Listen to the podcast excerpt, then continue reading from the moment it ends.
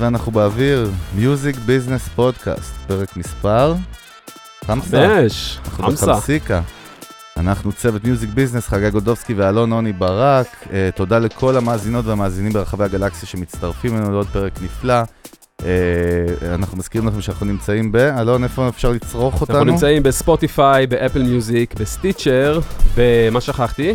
בגוגל פודקאסט, ואתם צריכים לחפש את זה בעברית, music business. וגם ביוטיוב כמובן, וגם ביוטיוב, גם ב music business בעברית, ויש לנו גם אתר שנקרא musicbusiness.co.il, וזה דווקא באנגלית, מתקשים לאיות. נכון, ובואו, חפרנו מספיק, בואו נציג את האורח הנפלא שלנו, מר סיימון ויינשטוק, שלום, ברוך הבא ל music business. תודה רבה. כבוד גדול, ועוד פעם, זה לא סתם כבוד גדול, זה באמת כבוד גדול, כי סיימון הוא, אפשר להגיד, אחד מה godfathers של ה... ה audio engineering של, של טכנאות קול, מה שנקרא. תמיד בעברית זה נשמע כזה, כמו מכונאי רכב, אתה יודע.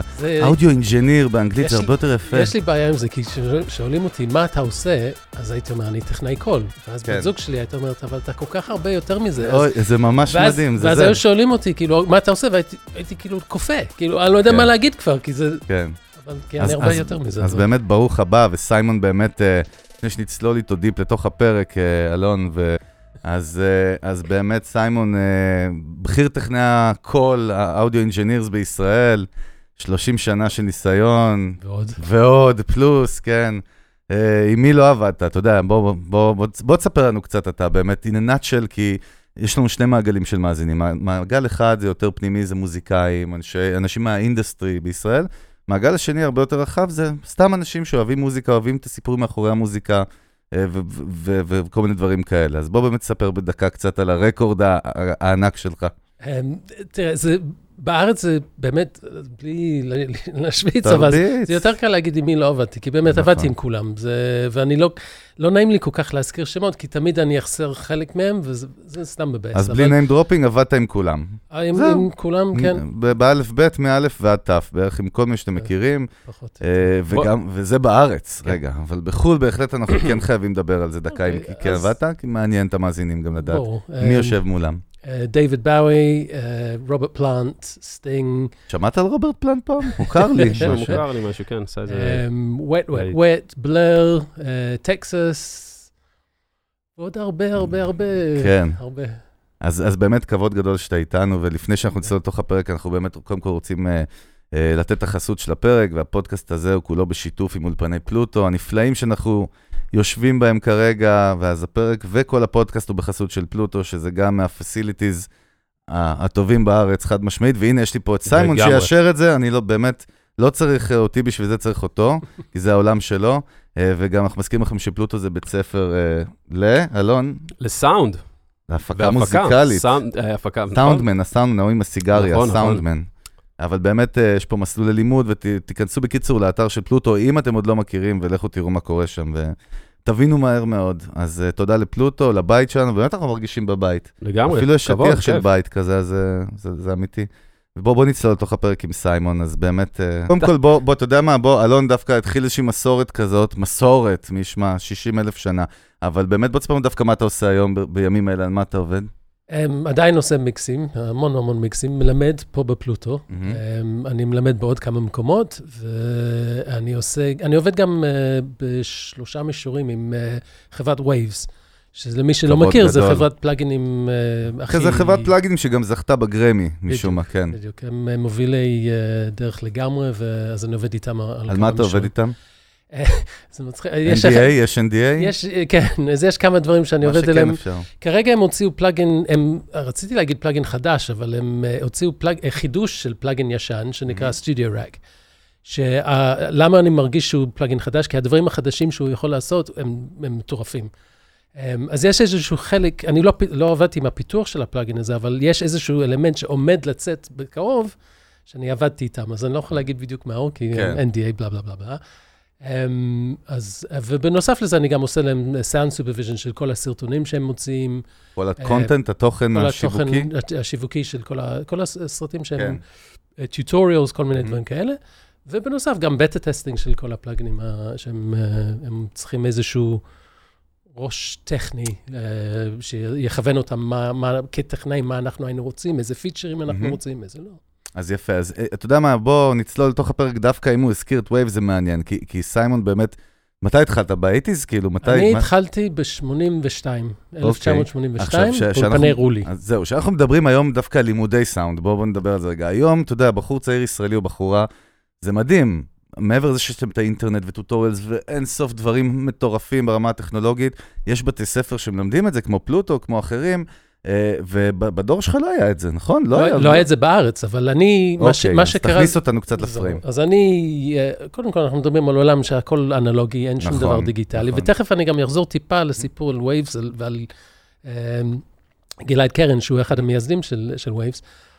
אמ, אבל בזמני, אני, אני מאוד אהבתי מוזיקה, לא ניגנתי על אף כלי, אבל נורא התעניינתי ב... חשוב לציין שאתה סקוטי אמיתי, נכון? סקוטי אמיתי. נולדתי באדנברה ועליתי בגיל 12, כן, אז אני סקוטי, אמיתי. אמ, אז באיזשהו שלב, היה לי חבר שאמר לי, אה, אתה צריך להיות טכנאי, למדתי בבית ספר אה, אה, נושא טכני, אז הוא אמר, אתה צריך להיות טכנאי קול. אמרתי לו, מה זה? אז הוא אמר, זה זה הבחור שיושב מאחורי הקונסולה, מסובב כפתורים ודואג להקליט את כל, mm-hmm. כל המוזיקה. ואמרתי, אני בכלל לא חשבתי בכלל על תהליך איך יוצרים מוזיקה. היה מוזיקה, היה תקליט, ולא לא עשיתי את החיבור ביניהם. אמ, אז התחלתי להתעניין קצת, ומצאתי אה, אה, שני בתי ספר בארצות הברית שסקרנו אותי. אמ, אחד, זה, אחד היה באוהיו, והשני היה בפלורידה. אז עשיתי בחירה מאוד מאוד מאוד מקצועית, ואמרתי, אוקיי, עכשיו פברואר, פלורידה חם, אוהיו קר, אני הולך לפלורידה. מתברר שבחרתי דווקא טוב, כי היום, בזמנו זה היה ממש אה, בית ספר בתחילת דרכו, כאילו, אני חושב שהייתי מחזור שני או שלישי, אם אני לא טועה, אבל uh, היום זה נקרא full sale, זה, גם אז זה נקרא full sale, אבל היום זה אחת המכללות הכי בכירות בארצות הברית לכל מה שקשור למדיה. איך היא נקראת? full sale. אה, זה השם שלה. full כן. sale? full כן. Sale. מכירה מלאה. כן, לא, שם מכירתי. בוא נגיד בעברית זה לא היה כל כך עובד טוב בבית ספר הסאונד. כן. אמ, אני לא חושב שזה סייל, זה סייל כי מפרס, כאילו, אבל אה, אוקיי. אני לא יודע אם זה... אה, אנחנו עם המכתב, אתה מבין איזה ראש? אנחנו ערבים, אה, סליחה, להוריד בעריכה, לא פוליטיקלי קורקט. too much, כן.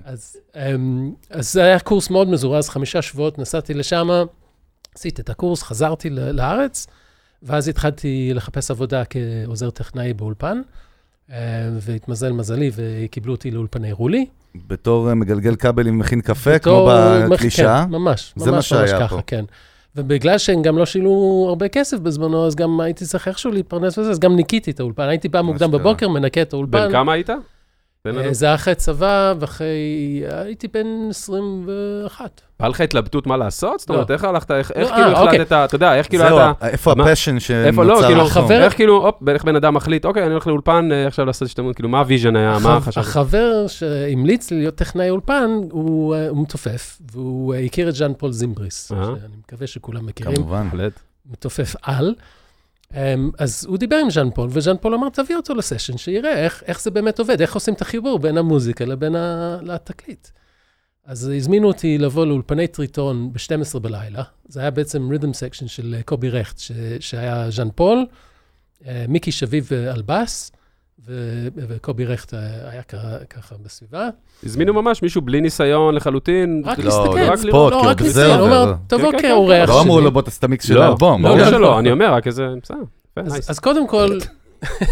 קודם כל אמרו לי, תבוא ב-12 בלילה לטריטון. אני לא יודע, מי שמכיר את האולפן הזה... לא, זה היה נחשב, אני מניח, אחד ה... ברור. זה היה המקום, אבל כן? זה היה גם מקום, כאילו, חשוך. זה היה פלוטו של אז. מה, את האווירה? האווירה, מישהו פותח את הדלת, הכל חשוך, מעושן, וזה פשוט... בוא נגיד שהוא היה מותר אה, לעשן אה, כן, באולפנים אז, כן. אז איך שדרכתי, אמרתי, אני אוהב את זה. אם אפשר להתפרנס מזה, אז בכלל קניתי את זה.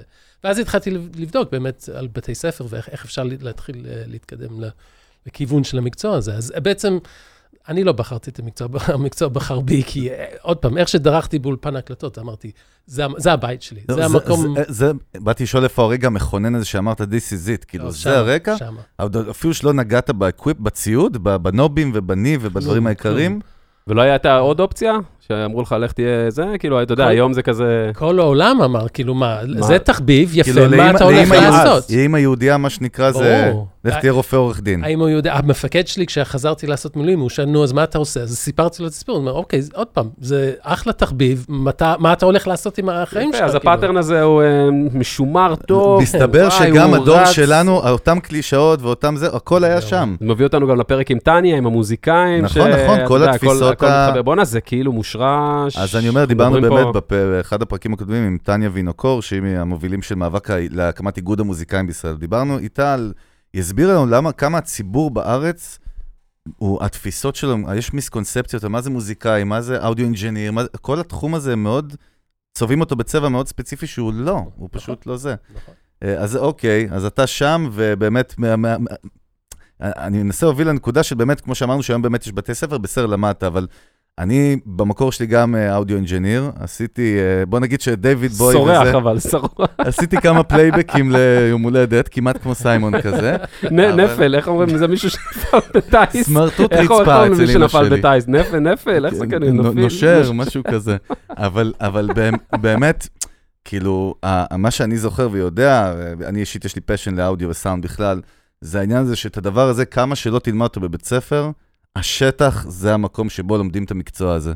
זה נכון, זה נכון, אבל אני, אני, אני מאוד אה, החזקתי בדעה הזאת עד שהתחלתי ללמד פה בפלוטו. לא, ודאי, לא. אבל אני לא אומר את זה לא, סתם לא, בשביל לא. לפרסם, זה ממש, זה, אני, כאחד שלמד את זה בשטח ולמד את זה הרבה, אני כאילו, אני כל הזמן לומד, גם היום אני קם בבוקר, מדליק את המחשב, אני לומד משהו חדש כן. כל יום.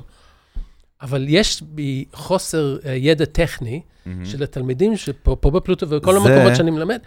מה, משהו לא, אחר לגמרי. מה שאתה לגמרי. אומר, אנחנו גם נקודה שאני אגיע איתה אליך, אה, בגלל שזה קשור לשינויים בין הדורות והטכנולוגיה.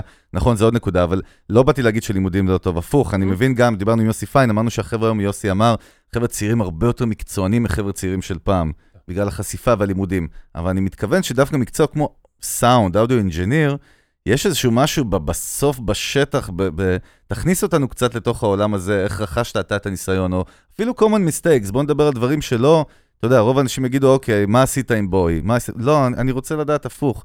איפה הטעויות? איך למדת כן להפעיל קומפרסור נכון? לא ברמת ה-threshold, מה שנקרא, זה לא מעניין, אבל בתפיסה. זו שאלה ממש טובה. כי... תודה. לא, אתה כי... התקבלת לפודקאסט. אם היה פה יוסי פורקו, אם היה פה יוסי פורקו שאומר, אל תעוף על עצמך, אבל אני חייב, שי, מצטער. אני... Uh, הרבה שנים, אני לא, בכלל לא התקרבתי לקומפרסורים, כי כל פעם שנגעתי בהם, אני כל פעם הייתי מקטין את הסאונד, ואני לא הבנתי כאילו איך... מה שנקרא בעברית עושה נזק ולא כן, תועלת. ממש, ממש. Mm-hmm. אז אני אמרתי, טוב, אני והכלי הזה לא עובדים ביחד, כי אני רק יודע להרוס איתו. עד שהגעתי לאיזשהי אולפן, זה כבר כשהייתי בלונדון, הגעתי לאולפן, שזה היה מתחם של כמה אולפנים, והנוהל היה שאנחנו עובדים על מיקס, ובלילה, הם, כאילו, מגיעים לאיזושהי תוצאה סופית, ובלילה הולכים הביתה, ולמחרת בבוקר, עם אוזניים יותר טריות, כן. מסיימים את המיקס. ואיך שיצאתי מה, מה, מהאולפן שאני עבדתי בו, שאלתי את העוזר טכני, מי, מי עובד באול, באולפן B או A או whatever, לא, השני כאילו, וזה אמרו בוב קליר מאונטן. בוב קליר מאונטן, לפחות בזמנו וגם היום עדיין, הוא נחשב לאחד האלוהי טכנאי מיקסים שקיים. גורים. ממש. אז אמרתי, וואו, אתה חייב לפתוח את הדלת, כי הם כבר הלכו הביתה, אז אמרתי, אתה חייב לפתוח לי את הדלת, אני חייב לראות את הקונסולה, איך, איך הוא משאיר את זה בלילה, כאילו. ואז הוא אמר, אוקיי, בסדר, אל תגיד אף אחד. כאילו, שנקרא ה setup שלו? איכשהו הוא הלך הביתה כשהוא סיים את המיקס שלו כן. לאותו לילה. וכשנכנסתי, ראיתי על, על הקונסולה, כל הכפתורים של הקומפרסור, full, כאילו, הוא מש... כאילו, זה... אז אני הגעתי למסקנה שבעצם הסוד של קליר מאונטן זה כן קומפרסיה. אז אמרתי, אני חייב ללמוד את הכלי הזה, אני לא יכול כאילו לברוח ממנו, אני צריך ללמוד. אז התעסקתי עם זה ושיחקתי עם זה, לקח לי איזה חודש, חודשיים, עד, ש, עד שבעצם הכרתי את כל, ה, את כל הדרכים איך אפשר כן להשתמש בקומפרסיה, בשביל להגדיל ו- ולנפח, ולקב... ובעצם זה הפך להיות כלי, היום אם תשאל אותי מה הכלי הכי חשוב לך ליצור סאונד טוב, mm-hmm. זה קומפרסיה. לא, דרך אגב, קומפרסור היה משל לכל הכלים שצריך ללמוד כ audio engineer, זאת אומרת, לא ספציפית, אלא נכון. כ perception. אה, אז קודם כל אתה אומר ניסוי וטעייה, זה עולם שיש בו המון המון ניסוי וטעייה, נכון? כי כעוזר טכנאי אתה יושב בצד ואתה מאוד מרוכז ואתה מסתכל על איך טכנאים אחרים עובדים. באיזשהו שלב אתה נהיה קצת, אתה נהיה שאנן, אני בטח, עכשיו אני יודע מה אני עושה. כן. עד, ש, עד שלא מושיבים אותך בכיסא ואתה מתחיל לסובב את הכפתורים לבד, בדיוק, ואז אתה שומע, בעצם אתה מסובב, וזה בכלל לא נשמע כן. דומה למה ששמעתי כשהוא סיבב את הכפתורים. אז אתה באמת צריך... כמה זמן זה היה בהפרש הזה בין מה שהתחלת שם, שסיפרת בהתחלה, לבין לונדון, כאילו היה שם איזה מעבר? כמה כן, זמן היית בפנים כבר בתוך התהליך? אני בתהליך הזה יחסית, עשיתי זה נורא מהר, היה לי המון המון מזל, גם עבדתי מאוד מאוד קשה, אבל היה לי המון מזל, כי ברולי, בישראל הייתי שנה עוזר טכנאי, שנה טכנאי בית, ואז נסעתי ללונדון. עוד פעם הייתי שנה עוזר טכנאי שם בלונדון. באופן עצמאי נסעת? היה לך connection? לא, לא, היה... סתם היה, להבין, אתה יודע, אתה... בארץ, באותה תקופה, היו מביאים uh, טכנאי בשם ג'ון מקסווית לעשות את ההפקות היותר רציניות. אשכרה, מביאים מישהו מחו"ל. כן. או, זה, זה, זה אינפורמציה, זה אני אוהב לשמוע, זה, נכון? זה כיף. עכשיו, ג'ון... כאילו לא היה, סטנ... לא היה מישהו ב-level הזה בארץ? לא, לא, לא, לא, לא בקטע הזה, לא, פשוט לא היה. לא, לא היה. ו... לא היה את התרבות הזאת, כן, בארץ. כן. אז, אה, אז כשג'ון הגיע, אז... כשהוא, כשהוא עבד ברולי, זה היה ברור שאני, למרות שכבר אז הייתי טכנאי בית, אמרו, אתה תהיה העוזר שלו, כי אתה אנגלי, אתה, אתה אני סקוטי, כן? אוי אוי אוי. אמ, אבל אני בריטי, אני יודע איך להכין תה טוב, וזה, אתם, mm. יש לכם את השפה המשותפת, אתם כן. תעבדו ביחד. אז אמרתי, בכיף, כי בשבילי זה היה מדהים. כמו שאת אמרת, בתקופה היא לא יוטיוב, לא כלום, לא, אין, אין, לא היה מאיפה ללמוד. אז כשג'ון היה מגיע לארץ ואני עוד יכול להיות עוזר שלו, מה אכפת לי אם אני טכנאי או לא? אני רוצה להיות נכון. עוזר ולראות בדיוק מה הוא עושה. אמ, אז באחד, בקיצור, הכרנו ומאוד הסתדר, ממש הסתדרנו יפה, ובאחד הגיחות שלו בארץ, אז uh, הלכתי לבקר אותו, הוא לא עשה, הוא עשה מיקסים לתקליט um, של שלום, um, מחכה למשיח. וואלה. ואת זה הוא עשה, אני, אם אני לא טועה, אני חושב שזה היה קולינור, הוא לא עשה את זה ברולי, אז אמרתי, בכל מקרה, אני הולך לב, להגיד שלום, לבקר אותו. הלכתי לבקר אותו, וסתם, אני באיזשהו שלב ידעתי שאני רוצה, בגלל שאני בריטי, לנסוע לחו"ל ללמוד. אני, האמת, התוכנית המקורית שלי היה לנסוע, ל, ל, ללמוד קצת ולחזור, אחרי שנתיים, שלוש, אולי ארבע, משהו בן כמה היית כבר? כמה זמן היית בפרוסס? אני, כאילו זה, ב... אנחנו מדברים שאני הייתי בערך 23, זה היה אחרי שנתיים, כאילו, וואו, תוך השנה השנייה. וואו, ממש פרש, איזה קטע. Um, באתי לבקר אותו, זרקתי ככה סתם מהמותן, תגיד, מה קורה באנגליה? אז הוא אמר, אה, באולפן, ש... הוא היה מנהל אה, אולפן בלונדון, אז הוא אמר, אנחנו מחפשים מתלמד. אמרתי, אתה יכול להשיג לי רעיון עבודה? הוא אמר, מה פתאום, אתה טכנאי, אתה, אתה overqualified, מה, מה פתאום? Mm. אמרתי, תעשה לי טובה, תן, תן לי אפשרות, כאילו, להגיש את המועמדות, כן. תן לי רעיון, וכן, כן, לא, לא, בלי להתחייב שום דבר. הוא אומר, אין בעיה, מתי אתה יכול להגיע? אמרתי, שבוע הבא. הוא אומר, סבבה. קניתי כרטיס, נסעתי, שבוע אחרי זה, אולי יומיים אחרי זה עשו לי רעיון באולפני יוטופיה, שזה היה אולפן מדהים, ואחרי זה, תכף אני אספר למה הוא היה מדהים. Um, ועשו לי רעיון, ואני באתי כאילו כולי במר... וזהו, אני חייב להיות הכי טוב ברעיון הזה, ובאתי עם רשימות ות... וכל הציוד הטכני שהבנתי איך, איך אני יודע להפעיל, כי אני טכנאי וזה. וכל הש... השאלות היו כאילו אישיות לגמרי, כאילו, איזה סרט אתה אוהב, מה אתה, מה אתה רואה, בת... כאילו, לא הייתי מוכן לרעיון הזה גדול. בכלל. Um, ואז הבנתי שבעצם מה שמעניין אותם זה הפרסונה, ולא, כאילו, הם ילמדו אותי במילא את המקצוע הזה. כן, כן. איך זה תמיד הולך לשם. מדהים, בדיוק באתי להגיד, כן.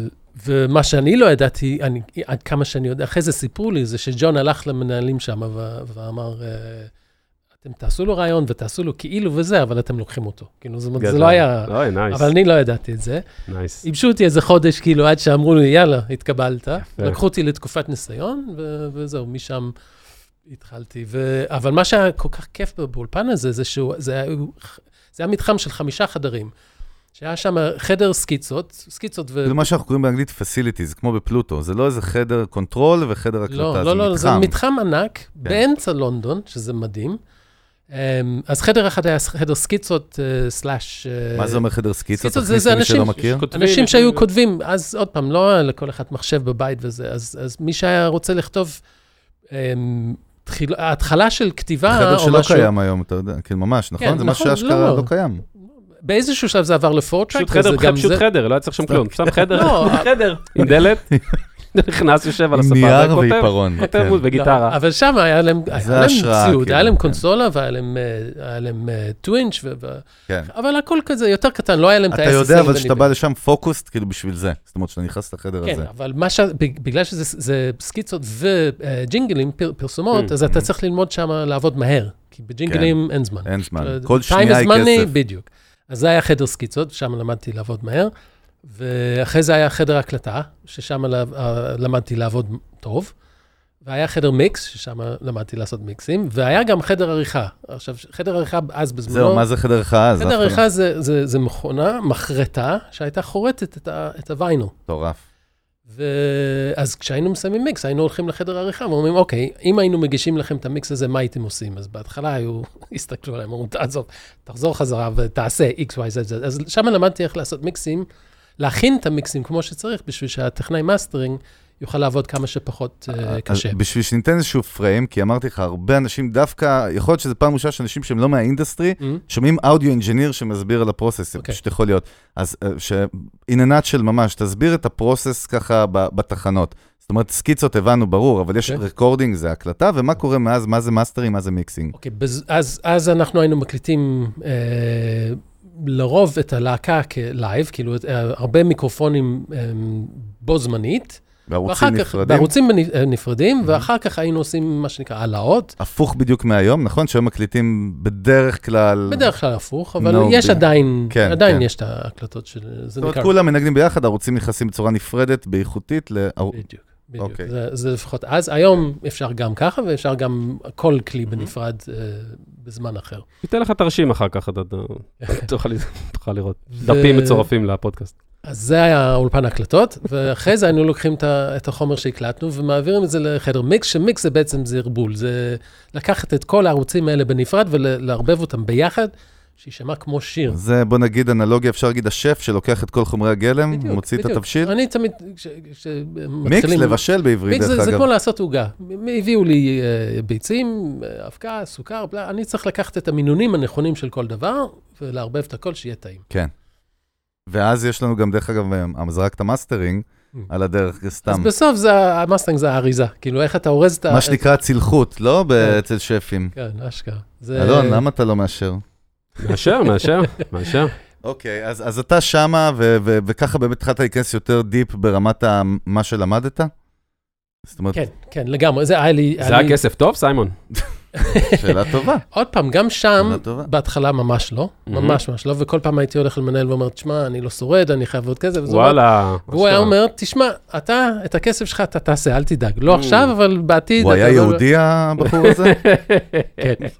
האמת שכן. וואלה. אבל הוא היה אחלה בחור, באמת. אה, הוא אומר לך כאילו, אל תדאג, הכל טוב? אל תדאג, אתה תהפוך יום אחד לפרילנס ואתה תעשה מיליונים והכל יהיה בסדר. כרגע זה מה שאנחנו יכולים. אז אמרתי, עוד פעם, אתה חייב לעזור לי, אז הוא נתן לי לבוא ולנקות כן. את האולפן, כאילו, עוד פעם. כן, הבנתי. עד, ש, עד שכבר התחלתי, זה באמת היה יחסית uh, תקופה קצרה, ו, ואחרי זה כבר פשוט דחפו לי כל כך הרבה שעות, שהייתי מצליח לעשות את ההשלמות האלה דרך uh, שעות נוספות. Mm-hmm. עכשיו, כשאני מספר את הסיפור הזה, כמה עבדתי קשה לאנשים, mm-hmm. זה נשמע לי מוגזם, אז באיזשהו שלב אמרתי, רגע, יש לי רישום של השעות האלה באיזשהו יומן ששמרתי לי וזה. כן, איזשהו רקורד. הסתכלתי, וזה פשוט מפחיד, כמה שעות עבדתי. הסתכלת לאחרונה כאילו? לא, לא, לא לאחרונה. לא, אבל כמה שעות, כזה הכניס לפריים, כמה שעות? אנחנו מדברים על ממוצע 18, 19, 20 שעות, כאילו, מה שהיה קורה זה ש... במה? ליום. 18, 19, 20 שעות ליום. כן. רצוף, עכשיו, מה שהיה קורה זה שהייתי פשוט, לא היה טעם שאני אסע הביתה אה, לישון, אז הייתי יושן על הספה של החדר ההקלטות, שהוא היה מאוד נוח.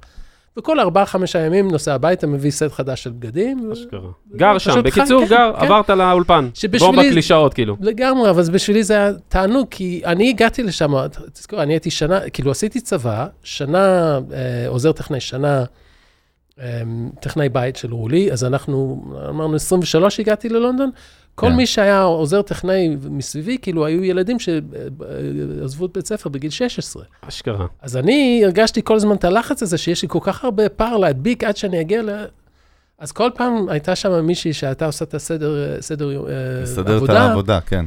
אז היא הייתה באה אליי, שיבוצים. יש לנו, כן, בדיוק. אז היא הייתה אומרת, יש לנו עוד עבודה, זה בסדר, ואני כל כך הייתי אומר לה, תודה, תודה שאת מפוצצת אותי בעבודה, כי ככה אני לומד, ככה אני מתקדם. לא, אני חושב שזה כמו להבדיל, שתגיד לאיזשהו מוזיקאי צעיר, לא יודע, בוא עכשיו תהיה עם בונג'ובי, צמוד אליו 20 שעות ביום, להבדיל, כן?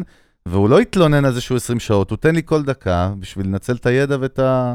אבל זה בדיוק ככה, זה... זה המפיקים שיצא לי לעבוד איתם, זה, זה חבר'ה שעבדו מדהים. עם פינק פלויד וזה, זה אנדי ג'קסון, זה... זהו, זה... דרך אגב, סתם ככה, שאלת uh, סוגריים כזאת, מה הקטע שלונדון, כאילו אנגליה slash לונדון נתפסת אצלנו באודיו, באודיו, בסאונד. זאת אומרת, Abbey Road זה brand ברמה שכל אחד מכיר את Abbey Road, מי שלא מכיר אולפנים, אף אחד לא יודע רוב מה זה טריטון, אבל כולם יגידו לך Abbey Road, אבל בכלל, יש איזה perception כזה אנגליה, למה זה? רק בגלל שהרוק יצא משם, או מה? לא, לא, יש איזה קטע. אני לא יודע, זה משהו אולי ישראלי, כי אני יודע אתה ש... אתה יודע על מה אני מדבר? כן. יש קטע כזה, נכון? כן. שכאילו זה, זה המקה של ה... באמת, כן, מה? כן, לא, לא, יש, אבל... יש זרם, זה כאילו יותר, יותר אה, זרם. אתה מנסה להציל אותי בלי הצלחה. מנסה להיכנס לא, לראש שלך, זה קשה. אני שואל אתכם, מה, לא, לא צודק? מה, אתה מערב את הקהל? אני חושב שזה קשור רגע. להקות ולסאונד שיצא שם. מה, כאילו הביטלס וכל ה...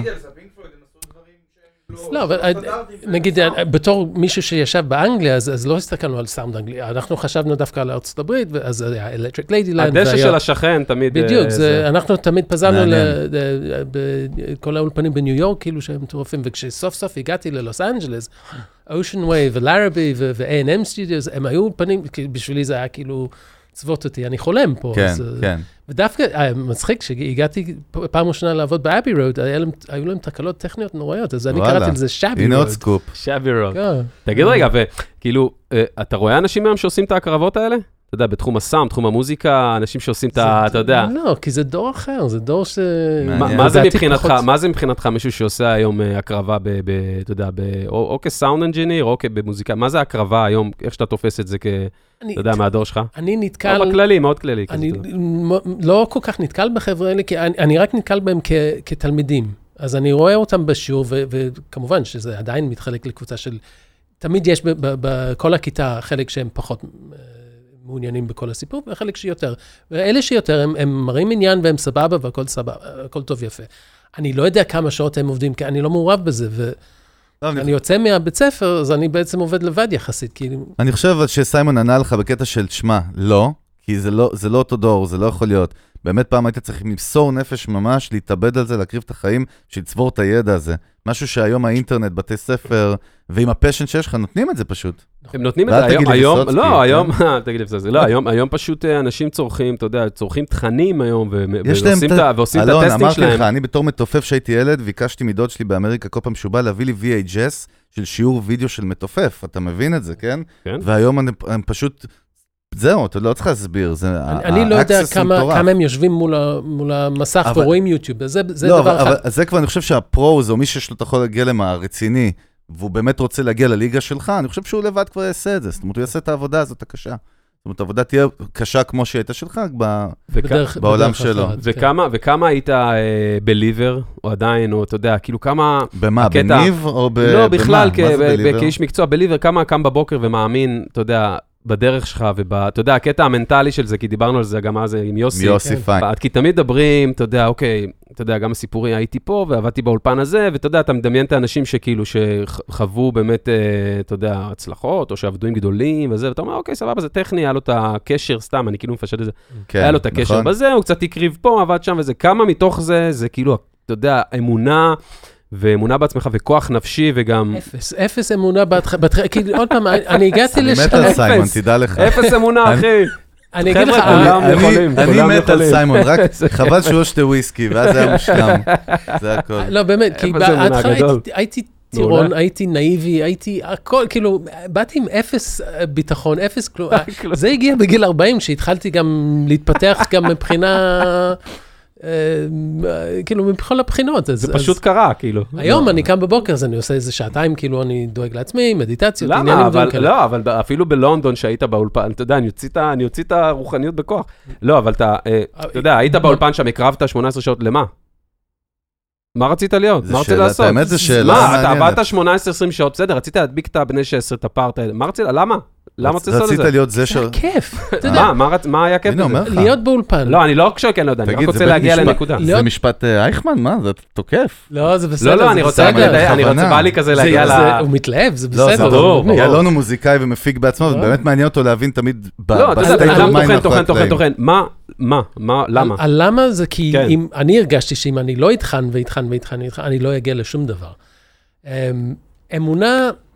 אני לא, לא היה לי ביטחון מופרז כזה, אני בטוח יצליח, כי אני זה, אני כישרוני, אני ממש לא. ותמיד יש את הקטע הזה שכאילו, הכל הולך לך טוב, אז אתה מסתכל על, אוקיי, מתי זה ייגמר? זה כל הזמן balance, כאילו, נפשי פנימי, כאילו, מתי, באיזשהו שלב, אוקיי, למדתי איך לא, לחזק את עצמי. אני מבין עכשיו דווקא, ב- ב reverse, למה, אני מבין את השאלה של אלון, כי לא היה אז, כאילו, היום זה שונה. זה כאילו, אני רוצה להיות producer כמו ה producer שעשה לד זפלין נגיד, אני רוצה להיות זה. או יש אנשים שהם פרפקציוניסטים, יש לו passion לטכנ... אני מכיר audio engineer, סאונדמנים, שהם חולים על, ה- על, ה- על האלקטרוניקה. זה הקטע כן, שלהם. נכון. אתה יודע, אתה מכיר אותם יותר טוב ממני, הוא ידבר לך על מעגלים Mm. ועל זה... וזה ה passion שלו. אבל יש אחד שה passion שלו באמת זה אה, passion אחר לחלוטין, כמו... אז אז מאוד משתנה. ה passion שלי בא ממקום, אני רציתי להיות במקום, בסביבה, שיוצרים מוזיקה כיפית. כן. אמ, להיות וכדי, חלק מה process? וכדי להיות חלק מה process, הייתי חייב, לא היה לי אפשרות אחרת, זאת אומרת, זה היה אך. ורק להיות טכנאי slash מפיק. לא היית נגן אף פעם, זהו, או איזה משהו, אף- כלום, שום זה instrument. מעניין. כלום. כלום. וואלה, אשכרה, וואו. דרך אגב, יש מצב... היום, היום? יש, כלום. יש- כלום גם. יש מצב שה audio engineer, הסאונדמנים, לא, אני לא יכול להגיד את המילה זה סאונדמנים. לא נעים לי.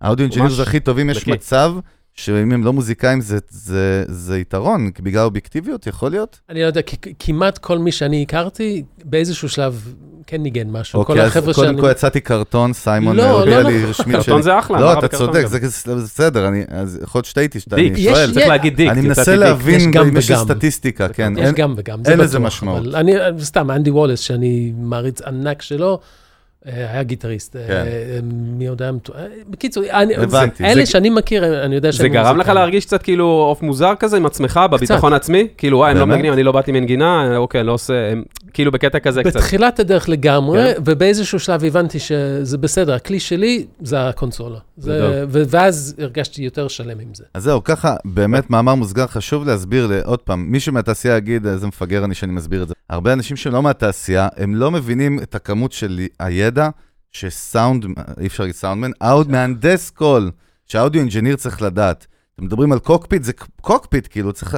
compressor זה עולם, delay זה עולם, reverb זה עולם, preamp זה עולם, מיקסר זה עולם, נובים זה עולם, כרטיס קול זה עולם. אבל כסאונדמן slash audio engineer, כן, איך שתקרא כן, לזה, כן. הוא גם צריך להבין את הכלים המוזיקליים גם. יפה. לא ידעת, הוא לא צריך לדעת לנגן עליהם, אבל הוא חייב לדעת אז- מה הם מסוגלים להוציא. הנה, הנה, רגע, הנה הפאנץ', הנה השאלה. פאנץ' השאלה. מה אנשים לא יודעים על, על העבודה של ה audio engineer? זאת אומרת, מה אנשים לא מבינים בחשיבות של ה... אז זה שאני לא יודע לנגן כלי, זה לא אומר שאני לא מבין מה הכלי הזה יכול להוציא. אז לפעמים אין לי את השפה, אני לא יכול להגיד לנגן, עזוב, תחליף את האקורד הזה בפוזיציה כזאת או אחרת, אבל אני, אני כן אשמע את ההבדל. אני אגיד, אוקיי, משהו לא מסתדר. וזה בגלל שאני גם מאוד, יש לי התמחות במיקסים, אז אני כבר יודע איך התוצאה הסופית צריכה להישמע. אז גם בזמן שאני מקליט, אז אני יודע פחות או יותר איך להרכיב את, את הסאונד הכללי. מה- זה הצריכה להישמע הזאת? זה מעניין. מה, מה זה צריכה להישמע? הרי אין פה לדעתי, חוקים. לטעמי. או, יופי, אז זה עניין של קריאייטיב. כן. זאת אומרת, שש... בוא ניקח שיר של אומן מפורסם, סתם, לא יודע, אני, מה עולה לי לראש, מה עולה לי לראש? ניקי מנאז', הלכתי על הכי, באמת מה שהיה לראש. הארדיסק שלי הוא כרגע בפירמוט, אז זה מה שהיה לראש. ו... וניתן את זה שלוש audio engineers שונים. כן. באמת אנחנו נקבל שלוש ביטויים שונים? בהחלט. ברמה ש... בהחלט. ברמת ה-listener, ברמת המאזין, האם הוא... בטח. הוא יש... זה... תכניס יכול אותנו לשם, שם אני יכול להיות רוצה להיכנס. שה listener לא יבין מה, הוא לא, שהוא לא מבין זה שהוא בס- שומע הבדל. בתת מודע, זה ודאי זה לי. לגמרי, לגמרי אנחנו עובדים על התת-מודע. ועובדה שאני עשיתי איזשהו מחקר, גילו שתוך אה, שש שניות, אה, היום שיש לנו את העידן הזה שאתה יכול לעשות skip, כן, אז נכון. הבינו ש... ש... משהו, משהו כמו 50 אחוז, אני, אני לא זוכר את המספרים, אבל זה משהו בסביבות ה-50 אחוז מאנשים עושים skip תוך שש שניות הראשונות. מה מה עכשיו, קרה? הדבר, ואז... אמרו- על שיר? על שיר. כן, כן, שיר. בסטרימינג, אחי, עכשיו בסטרימינג. חקרו, כאילו, מה. אתה יכול להספיק לשמוע תוך שש שניות? אז א', זה ז'אנר, שני, זה סאונד, זה איכות סאונד. אז אם הסאונד שלך לא מי יודע מה, אז ו- כאילו, זה לא בא לך, טאק, אתה עושה זה skip. ממש מעניין מה אתה שאתה יודע, אומר. אתה יודע איזה שאלה עולה לי בראש כל פעם שאני שומע, אתה יודע, גם אלבומים גדולים, ואתה יודע, ודברים גם שעשו פעם, אני אומר כאילו, וואלה, האם... האם, איך על אותם אלבומים היו נשמעים, היו מקליטים אותם באולפן ביתי, אתה יודע, כאילו, אני חושב כאילו, זה- אם הביטלס, אתה יודע, היו מקליטים את כל ה... אתה יודע, את הדברים, אם היו מקליטים את זה ב- ב- באולפן של... איזה סאונד, מה, אם כל- זה היה מצליח לא, באותה צורה, אתה יודע. קודם כל הסאונד של ה-60's, שאנחנו עפים עליו, הוא כזה רזה לעומת הסאונד שיש היום. אז אתה אומר שבאמת יש, יש אימפקט על, איך, על, על ההשפעה של השיר, וזה החלק של החבר'ה הטכנאים יותר, הטכנולוגיים יותר, שזה... זה טכנאים מפיקים, זה, זה, זה, זה, אז אני, אני, עכשיו אני אקשה לך, אתה רוצה אתגר? אתה רוצה challenge? ננסה. בוא ננסה. זה ועם יוסי, שהוא חבר טוב וקולגה, ודווקא בפרק הקודם, אתה זוכר, דיברנו עם יוסי, והוא... אני, אני רוצה למצוא את ה balance עכשיו עם סיימון. יוסי דיבר איתנו על זה שבסוף המוזיקה היא ה main ולא הכלים מסביב. זאת אומרת, היא ה... זה לא המיקרופון או לא ה preamp או לא המיקסר, אלא זה, זה הגלם, זה האופי, זה ה character, זה, הבנ... זה המוזיקאי, בקיצור, נו, היוצר. אה, ומצד שני... הוא הלך רחוק, הוא אמר אפילו האוכל נכון, בחזרה, נכון, הוא לא, למקומות הוא דיבר על דברים של state of mind, איך להיכנס ליצירה. Yep. אבל, אבל ברמת ה production, זה היה נשמע, וזה לא נכון, ויוסי שומע, ואני יודע שזה לא מה שהוא התכוון, אבל אני אנסה באמת להתקיל להבין איפה ה balance עם סיימון. כאילו מצד אחד אנחנו אומרים, עזוב, אז מה, אז תקליט על SM57, אה, עם כרטיס קול של 300 שקל, על לפטופ, ומצד שני תקליט עם מישהו כמו סיימון באולפן, כמו פלוטו, יש הבדל. אז איפה, איפה ה balance? אתה, אתה מבין? הדבר הכי חשוב, כמו, אפרופו דיברנו על אוכל, זה החומר גלם. וזה אין, זה השיר, זה... ה source, מה שאנחנו קוראים, נכון? כן, כן. יפה. ואם השיר טוב, הכל אחר כך זורם הרבה יותר קל. אמ, גם העיבוד, גם ההפקה, הכל זורם הרבה יותר פשוט כשהשיר טוב. כשהשיר לא טוב, לא יעזור. זאת אומרת, מה שאתה, מה שאתה אומר, אנחנו לא קוסמים. זאת אומרת, אם זה יהיה משהו לא טוב, גם ה audio engineer והציוד הכי טוב לא יציל את זה. נכון, ועכשיו אני הולך לעשות ניגוד לעצמי. או, בבקשה. את זה אנחנו אוהבים, זה אנחנו אוהבים. אני הייתי בסמינר בדרום צרפת עם אה, אנדי וולס, והוא עשה תרגול של מיקס מולנו, כן. מול האנשים שהגיעו לסמינר הזה. כאילו זה כיתת אומן, מה שנקרא? כן. והביאו שיר של העוזר, העוזר טכנאי, אה, או חבר של העוזר טכנאי של האולפן שם, בדרום צרפת. הביאו איזה שיר, והוא פתח את הפיידר, והוא השמיע לנו את השיר, וכשהוא השמיע לנו את זה בצורה כזאת, אמרנו, סתם שיר. וואלה. ואז הוא התחיל לעבוד, ותוך שעה, שעה וחצי, הוא מסובב כפתורים, מסובב כפתורים, לא עושה, לא עושה דברים באמת מיוחדים, אלא בחירות פשוט נכונות ומדויקות. ותוך שעה וחצי פתאום היה שם להיט, כאילו השיר נשמע פיצוץ. מפלט לגמרי? מפלט לגמרי לזה, תוך שעה וחצי, אחרי זה הוא... חשוב להסביר, אותו שיר, אותם סורסים, שום דבר לא השתנה כן, במוזיקה לא, עצמה. לא, אז, אז, אז מצד שני, אז אני חושב, אוקיי, השיר הוא מאוד מאוד חשוב, אין שום ספק, אבל כ, כטכנאי מיקסים יש לנו say מאוד רציני, אם אנחנו נותנים את השירות הכי נכון לשיר, אין נכון, כי זה עניין של טעם, אבל אם אנחנו עושים...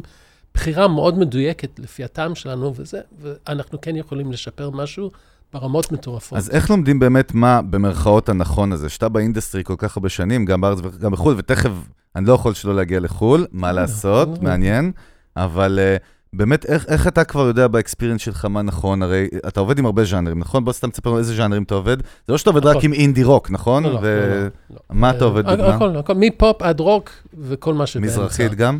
עשיתי קצת מזרחית, אני אוהב מאוד, הם לא אוקיי. אוהבים אותי, כאילו הם... מה זה מזרחית? אין היום, אין היום, כי אתה סקוטי, הם שותים ערק ואתה שותה וויסקי, זה בעיה. אין, הז'אנר הזה שאתה אומר מזרחית, זה כבר, אתה יודע, זה לפני 4-5 שנים כבר נעלם, אין פה, אתה יודע, אין את ההגדרה הזאת המדויקת אה, מזרחית היום. זה פודקאסט ב-2011. סבבה, אתה יודע, נכון, אני נשמע אפילו גזען עוד רגע. מה זה נקרא, ים תיכוני היום? זה לא, לא, מידל איסט, סליחה, אוקיי. זה middle east pop, יאללה, נו, בחייאת.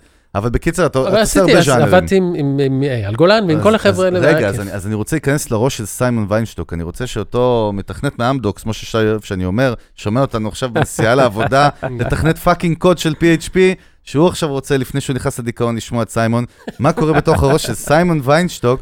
מה הדבר הנכון שאתה עכשיו נכנס לעבוד עם הרכב או עם מוזיקאי, הרי הנכון של X לא נכון ל-Y. נכון, אז מה שאני עושה זה מה שמרגיש לי. אני, אני מאוד מאוד אינטואיטיבי, mm-hmm. וזה משהו שאתה יכול, בגלל שעשיתי את זה כל כך הרבה שנים, אז רכשתי את, ה, את האפשרות הזאת להפעיל כמה שפחות מוח ויותר רגש. אז איך שאני שומע, בעיקר במיקסים אני מדבר, אני שומע ומגיב, שומע ומגיב, וכמה שאני פחות מפעיל את הראש, אני, אני פחות הורס. מעניין מאוד, אתה יודע, ציפיתי תשובה מאוד לוגית דווקא, לוגית מאוד טכנית, כאילו, כי לא, זה... ממש לא. וכמה פעמים אתה מקבל גם אה, מיקס, כאילו, סורסים או בכלל פרויקטים, כאילו... אתה יודע, יש מלא דברים שאתה מייעץ, להחליף סאונדים, להחליף דברים, או זה, או... לא, התפקיד שלי, אני מבין בזה שכששלחו לי שיר, הם, הם חושבים, מי ששלח לי, שזה מוכן למיקס. זה החומר גלם. אז אני אעשה הכי הרבה שאני יכול כדי לעבוד עם זה. אם באמת, וזה קורה לעיתים מאוד רחוקות, כן, כן.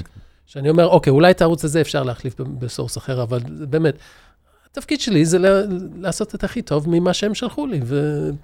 זאת אומרת, יש גבולות גזרה, מה שנקרא, נכון? כן, מכבדים, זה לא... כן, אבל, אבל לרוב, כאילו, אני מקבל חומרים מספיק טובים, והיום יש לנו טכנולוגיה שעוזרת לי באמת לעשות דברים מטורפים. יש גם, כאילו. יש גם, יש גם uh, פרויקטים, נגיד, דברים שמקססת, ואין, זה לא עבד, כאילו, לשני הצדדים, both ways, כאילו, לא היו מבסוטים בסוף, אתה יודע, ברמה של... Uh, נגמר התהליך, היה כזה חצי, הרגשת... הם הרגיעו, אתה מבין מה אני אומר? אתה יודע מה, זה ברור, זהו, אם כבר אלון פתח משהו שלא מכירים מחוץ לתעשייה, וזה הרבה פעמים שולחים לטכנאי מיקס שיר מסוים, ואחרי זה מתבאסים על זה, כן, זה האמת. לא מרוצים מהתוצאה בטכנאי מסוים, ואז מחליפים, נותנים את זה טכנאי אחר, זה קורה. אז באמת, כאילו, זה קורה, זה טבעי.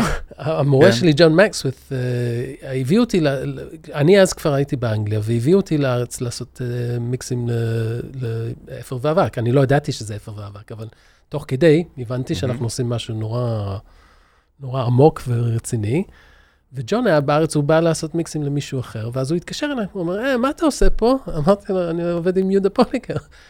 אז הייתה דממה, כאילו, בצד שני, הוא פשוט, הייתה שתיקה, כאילו, אז אמרתי, ג'ון, אתה שם?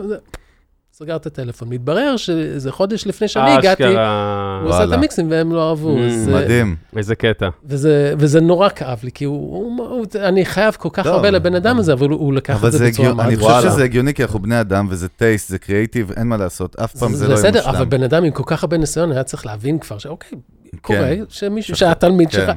במקום להתגאות בזה שהתלמיד שלו... נכון, נכון, הפוך, אני חושב שזה ממשיך הבשורה. זה קטע. אז, אה, אז כן, יש, יש לפעמים ריג'קטים, זה קורה, למזלי, לעיתים רחוקות, אבל כן, זה קורה.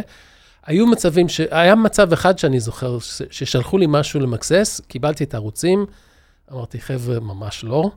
אתם, זה בוסר לגמרי לגמרי, אני מציע שתלכו לחדר חזרות עם מפיק, תעשו קצת עבודה יסודית, ותחזרו אליי כשאתם קצת יותר מוכנים. הם עשו את זה, הלכו למפיק מדהים בשם אייל קצב. עבדו איתו איזה שנה או משהו, חזרו אליי, עשו מיקסים, ובסוף המיקס, השירים שלהם זכו באיזושהי תחרות בלוס אנג'לס, והם באמת, זה עזר. כי אין, יש דברים שכאילו, אתה צריך להגיד להם את האמת המרה, ואז הם היו באמת בוסר. ובסופו של דבר, אחרי הרבה עבודה, הם נהיו ממש ממש אחלה להקה. אז, mm. אז כן. אתה, אתה רוצה קצת name dropping? לא, יש לי, האמת שיש לי איזו שאלה מעניינת. אם זה היה מתוסרט, היית צריך להגיד לי, כן. בטח שאני רוצה name dropping. בטח, חגי, יש לי מלא name dropping לתת פה, לא, מלא רשימה. לא, הכוונה היא שלי יש. אה, יש לך, הבנתי. יש שאלה, אבל בוא תשאל. לא, האמת שאלה, האמת שאלה שזה, כמה אתה אה, לוקח היום, או לעומת פעם, או וואטאבר, את העבודה שלך הביתה, כאילו ברמה, כמה זה משפיע לך אחרי שאתה, כאילו, אתה שם היום קאט, יש לך קאט מקצועי היום, שאתה סוגר את האולפן, טאק, הולך הביתה, בום, זהו, או שדברים, יש גם סשנים שהולכים איתך הביתה, אתה יודע, אתה חושב עליהם, תעסק איתם, תבאס אולי.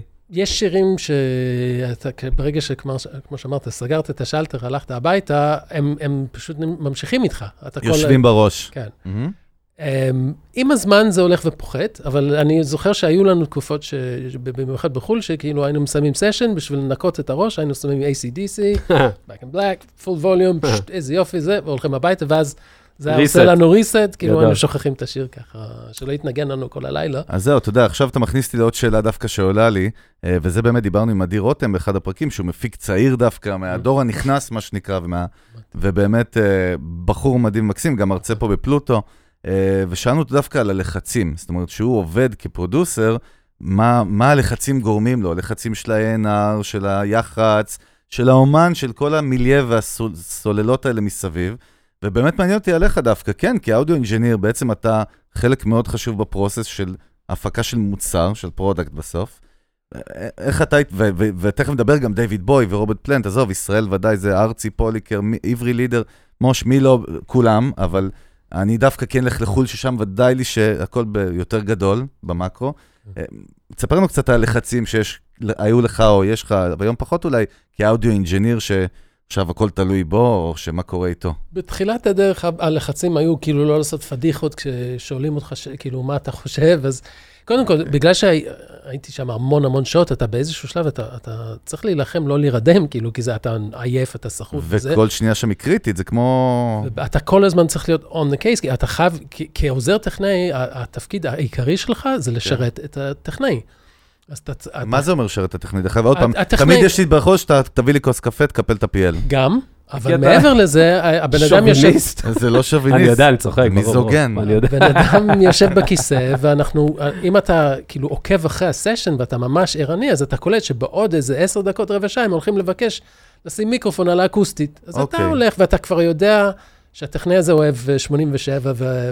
כאילו, אתם כבר מבינים אחד את השני מהר, הוא לא צריך לדבר הרבה. אז הוא כאילו בא, מסתכל עליך, ואתה כבר התיישבת, כי שמת כבר את המיקרופונים מוכנים. זה היה עושה לי טוב, כאילו. אז אם אתה לא on the case ופספסת איזשהו משהו, זה היה לחץ, כאילו. אבל זה לחץ קטן. עכשיו בוא תכניס לי ל spotlight שאתה כ audio engineer. אם אתה שופט את עצמך ברמה, כן. זה לא לחץ קטן בכלל. לא, בדיוק. זה פדיחה אחת כזאת, אתה הולך הביתה מבואס, כאילו, לא היית 100 אחוז, כאילו. וברמת התוצאה הסופית, זה הלחץ. הרי אתה צריך עכשיו לעשות מיקס לאיזשהו שיר של אומן גדול. השיר הזה, בסוף, לא ידברו על סיימון ויינשטוק, הוא, הוא, הוא מאחורי הקלעים. ידברו הרי על האומן. איפה הלחץ הזה פוגש אותך? פה אולי אני הייתי אומר שלא, לא, לא הייתי נלחץ, כאילו, כי היו מדהים, לנו, אין היו, בעיה. לא, כי היו לנו. תמיד, לפחות אז בתקופה ההיא, היו תקציבים, היו עניינים. פספסת פעם ראשונה, לא הלך המיקס. יפה, אולי זה באמת ההבדל שאני חושב, זה בין לייב לאולפן, שיש את האפשרות תמיד לתקן. למרות תקליטים- שעדי, סליחה, סליחה שאני קוטע אותך סיימון, פשוט אני אומר לאלון, עדי גם הוא באולפן, ועודן סיפר לנו על המון לחצים האלה שיש ברמת ה...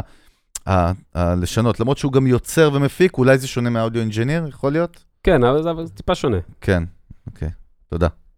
טוב, אז כן. נגיד אם הייתי שולח איזשהו מיקס ש- שלא הכי טוב, אז החברת תקליטים היו אומרים לו, "ת- תעשה לזה רימיקס, או "ת- תעשה מחדש, ו- ו- כי אנחנו לא אוהבים XYZ. כן. אז היו נותנים לנו הזדמנות לתקן את זה. היום, זה בשנייה, אה, אתה יכול כן. לעלות במחשב. לא, אז אני רק רוצה שאתה תסביר, בגלל שאתה עוד ב-80's היית audio engineer, ואתה ב-2020 audio engineer, מהבכירים בארץ, תסביר לאנשים צעירים בבקשה, מה זה אומר לעשות cut או delete פעם. זה, זה, זה, אתה יודע, סכין גילוח, כן? 2 אינץ', לחתוך. כמה זמן לעומת 0.1 שניות היום? זה התהליך. זה כבר תלוי כמה, כמה רכשת מיומנות בדבר הזה, אבל בהתחלה אתה עושה את זה, אתה תיקח את הזמן, כי אם אתה עושה פה טעות, הלך. זה, זה אין פה... תכניס, תכניס אין אנשים דקה, ל-. לא, אנשים שלא יודעים על מה מדובר, תכניס שנייה לפריים. היינו נגיד מקליטים את כי- הלהקה כן. אמ, כמה פעמים. לא ו- היה מחשב, אין מחשב. לא היה מחשב, אנחנו עובדים על אה, סרט אתה אנלוגי. מבין, עוני? אתה מבין מציאות בלי מחשב. נשמע לא הגיוני. שלא, אבל... לגמרי. שתבין שהיום אנחנו לא עושים שום דבר שונה ממה שאנחנו עושים, עשינו אז, פשוט אנחנו ברור. עושים את זה יותר קל, אבל... אה, בקיצור, היינו מקליטים את זה כמה פעמים, ואם נגיד, היה שיר אחד שבחצי הראשון של השיר אה, הכל נשמע יותר טוב, ובטייק אחר, השיר בחצי השני נשמע יותר טוב, היינו לוקחים את הסרט הזה, חותכים פה, חותכים שם, ומחברים ביחד. פיזית, פעולות פיזיות. פיזיות, חותכים את הסרט, בזווית קטנה, ומדביקים אותו, ו... היו פעמים שזה לא עבד והלך ה... הזה, תן... גם היה מאוד כן, יקר, היו פעמים- חומר היו פעמים גלם, לא? כאלה שכאילו מישהו לא הצליח לחתוך בדיוק אני במקום. לא, לא לא היה קרוספיי זה, טוב, אתה כאילו יודע. סאונדמן היה גם חתכן מקצועי או משהו כזה. היה כאילו, אתה יודע, עובד קצבים. בקצבייה, כן. קצב, כן. אבל אה, היה פעם אחת שאני עשיתי עריכה, עכשיו, זה היה... הרסת פעם איזה סשן כזה? כן, כי אה, היינו עובדים עם שתי מכונות שהיינו מסנכרנים ביניהם. אז ערוץ אחד מה, מהסרט היה מוקלט, אז קראו לזה SMPTE time code. זה איזשהו קוד שאתה מקליט על, על, אה, כל, על ערוץ אחד, על כל אחד מהסרטים, ואז יש איזה מכשיר שיכול לסנכרן בין המכונות. עכשיו, אם אתה חותך לא טוב, אז ה time code הזה, יש לו drop, יש לו כאילו הפסקה של הקלטה, המכשיר לא מצליח להדביק את עצמו, ואז כל הסנכרון בין שני הסרטים הלך. Mm. אז פעם אחת הרסתי אה, את ה take, כאילו. היינו צריכים לבחור take, take פחות טוב, מטורף. בגלל שהרסתי את ה twin. אתה, אתה מבין, זה, זה באמת לא בציניות, לא, לא, לא, לא, לא, לא הגזמה, זה מטורף לעומת מה שקורה היום. תחשוב כמה. חתיכות הם היו צריכים לעשות לפודקאסט הזה. לא, גם אתה מבין כמה, אתה יודע כמה זמן אה, לוקח לא. לערוך את הפודקאסט שלנו? קודם כל, את שלנו לא היה סתם, אפשרי שלנו לערוך. בכלל. האמת שגם 5,000 אנחנו, צלילים. האמת שגם שלנו אבל חלק, אני, אחי, אני אין אומר. ברמת, קודם כל אנחנו מבינים שפעם בבית זה לא היה אפשרי, לא היה מציאות של אולפן ביתי, בגלל שהציוד היה מאוד מאוד יקר, חומר גלם. נכון. טוב, למרות שזה לא האישו, אני לא רוצה להיכנס לשם. אה, בוא, בוא נצלול, עוד פעם נצלול, עכשיו תגיד לי, למה לצלול? שנורקל, נשחה. תביא שנורקל, בוא. נשחה, בוא נשחה. אבל uh, באמת, אתה יודע, הרבה שמות שעבדת איתם בחו"ל, זה סטינג, Texas, Blur, Tears for Fears וכו', אבל באמת בואי, שמע, מה נעשה, sorry. לא, לא, זה לא... אתה יודע, זה אני ואימא שלי ביחד כאילו מעריצים, אז גם אני. גם אני, זה- בתקווה שהבן שלי, דרך אגב, דיוויד בואי, לעבוד עם דיוויד בואי, תכניס אותנו קצת, וגם, אתה יודע מה, בגלל שאנחנו מנסים בפודקאסט לקבל איזשהם insights, איזשהם תובנות, מה למדת משם, או מה, מה, מה קרה, מה, אוקיי. מה או מה בכלל עשית שם? זהו, לפי הבעת מה- פנים של סיימון יש הרבה, אני כבר לא, לא, קלטתי, יש דבר אחד, אבל חשוב אבל אפילו אחד. חשוב, יאללה, הייתה. תקופה שהייתי טכנאי אה, של מפיק בשם אה, טים פאלמר. והקטע, טים היה מאוד מבוקש אה, בתקופה, הייתה תקופה שהוא היה כל הזמן עובד, ובאיזשהו שלב אה, הכרנו דר- ביוטופיה, אני הייתי עוזר טכנאי שלו ואחרי זה טכנאי שלו, ובאיזשהו שלב הוא אמר, אני רוצה לעבוד אה, לא ביוטופיה, אבל אני כן. רוצה שאתה תעבוד איתי, אז אה, הוא אומר, בוא תהיה פרילנסר, ואז אני אוכל לה- לה- לה- להשתמש בך בכל מיני אולפנים. אמרתי לו, בכיף, כי הוא זה בן אדם שבאמת כל הזמן היה לו עבודה. ואז uh, נכנסנו, היינו כצוות, כי הוא היה מפיק, אני טכנאי, אז עבדנו כמה שנים ביחד, וממש קרענו את עצמנו, היינו עובדים כל הזמן nonstop, nonstop, וזה היה כיף, זה היה מצוין. והיה לנו תמיד בדיחה, כאילו, אחרי איזה שלוש-ארבע הפקות, היינו אומרים, טוב, עכשיו אנחנו עושים איזו הפסקה קטנה. והבדיחה הייתה כאילו, אתה יודע, אם דיוויד בואי יתקשר, אז ברור שנעשה את זה. אשכרה. זה היה כאילו אה. בצחוק, זה היה ממש כאילו, מי, מי חשב על זה. ויום אחד היינו בהפסקה, ואני, זה בדיוק כשעשיתי את אפר ואבק, כשבאתי לארץ לעבוד עם יהודה. ומישהו אמר לי שאימא שלי קיבלה טלפון ו- מתם. איזה שנה? איזה שנים אנחנו מדברים פה? אני חושב שזה משהו בסביבות 89? לא, אולי, לא, 88 אולי, 87, 88. לא יודע, צריך לס- Appetite for Destruction, זה אם נחזור לפרק ב... כן, תודה שדייקת על זה. שאמרתי שזה שנת 85 יצא. מהפרק הקודם יש לנו ביף וויכוח, סליחה, לא קשור נמשך עד אליך. לא, עוד 100 פרקים, כן. אוקיי. אז, אה, אז עכשיו עוד פעם, אנחנו מדברים על תקופה שאין אין טלפון נייד בכלל, להשיג טלפון, אה, קו להתקשר לחוץ לארץ, כן. בקיצור, הבנתי שטים מחפש אותי, ואני איכשהו משיג, הייתי, ב, אני חושב אז, בטריטון או בקולינור, לא זוכר. מבקש מהם אם אפשר להתקשר לחו"ל, אמרו, אין בעיה. מתקשר לטים, הוא אומר, אתה לא מאמין, אתה לא מאמין מי התקשר. אני אומר מי? הוא אומר, אתה לא מאמין מי... באו, התקשר. אז אמרתי, מה, על מה אתה ממש מדבר? כמאמר הבדיחה שרצה כל כן, הזמן. כן, אז הוא אמרתי- אישית גם מתקשר או שה... לא, אל תגזים. הוא רגע, אישית. אה, הוא סליחה. אישית. כן, מה שקרה זה סליחה, ש... סליחה. אמ, אני חושב שזה הדף... אה, גיטריסט של...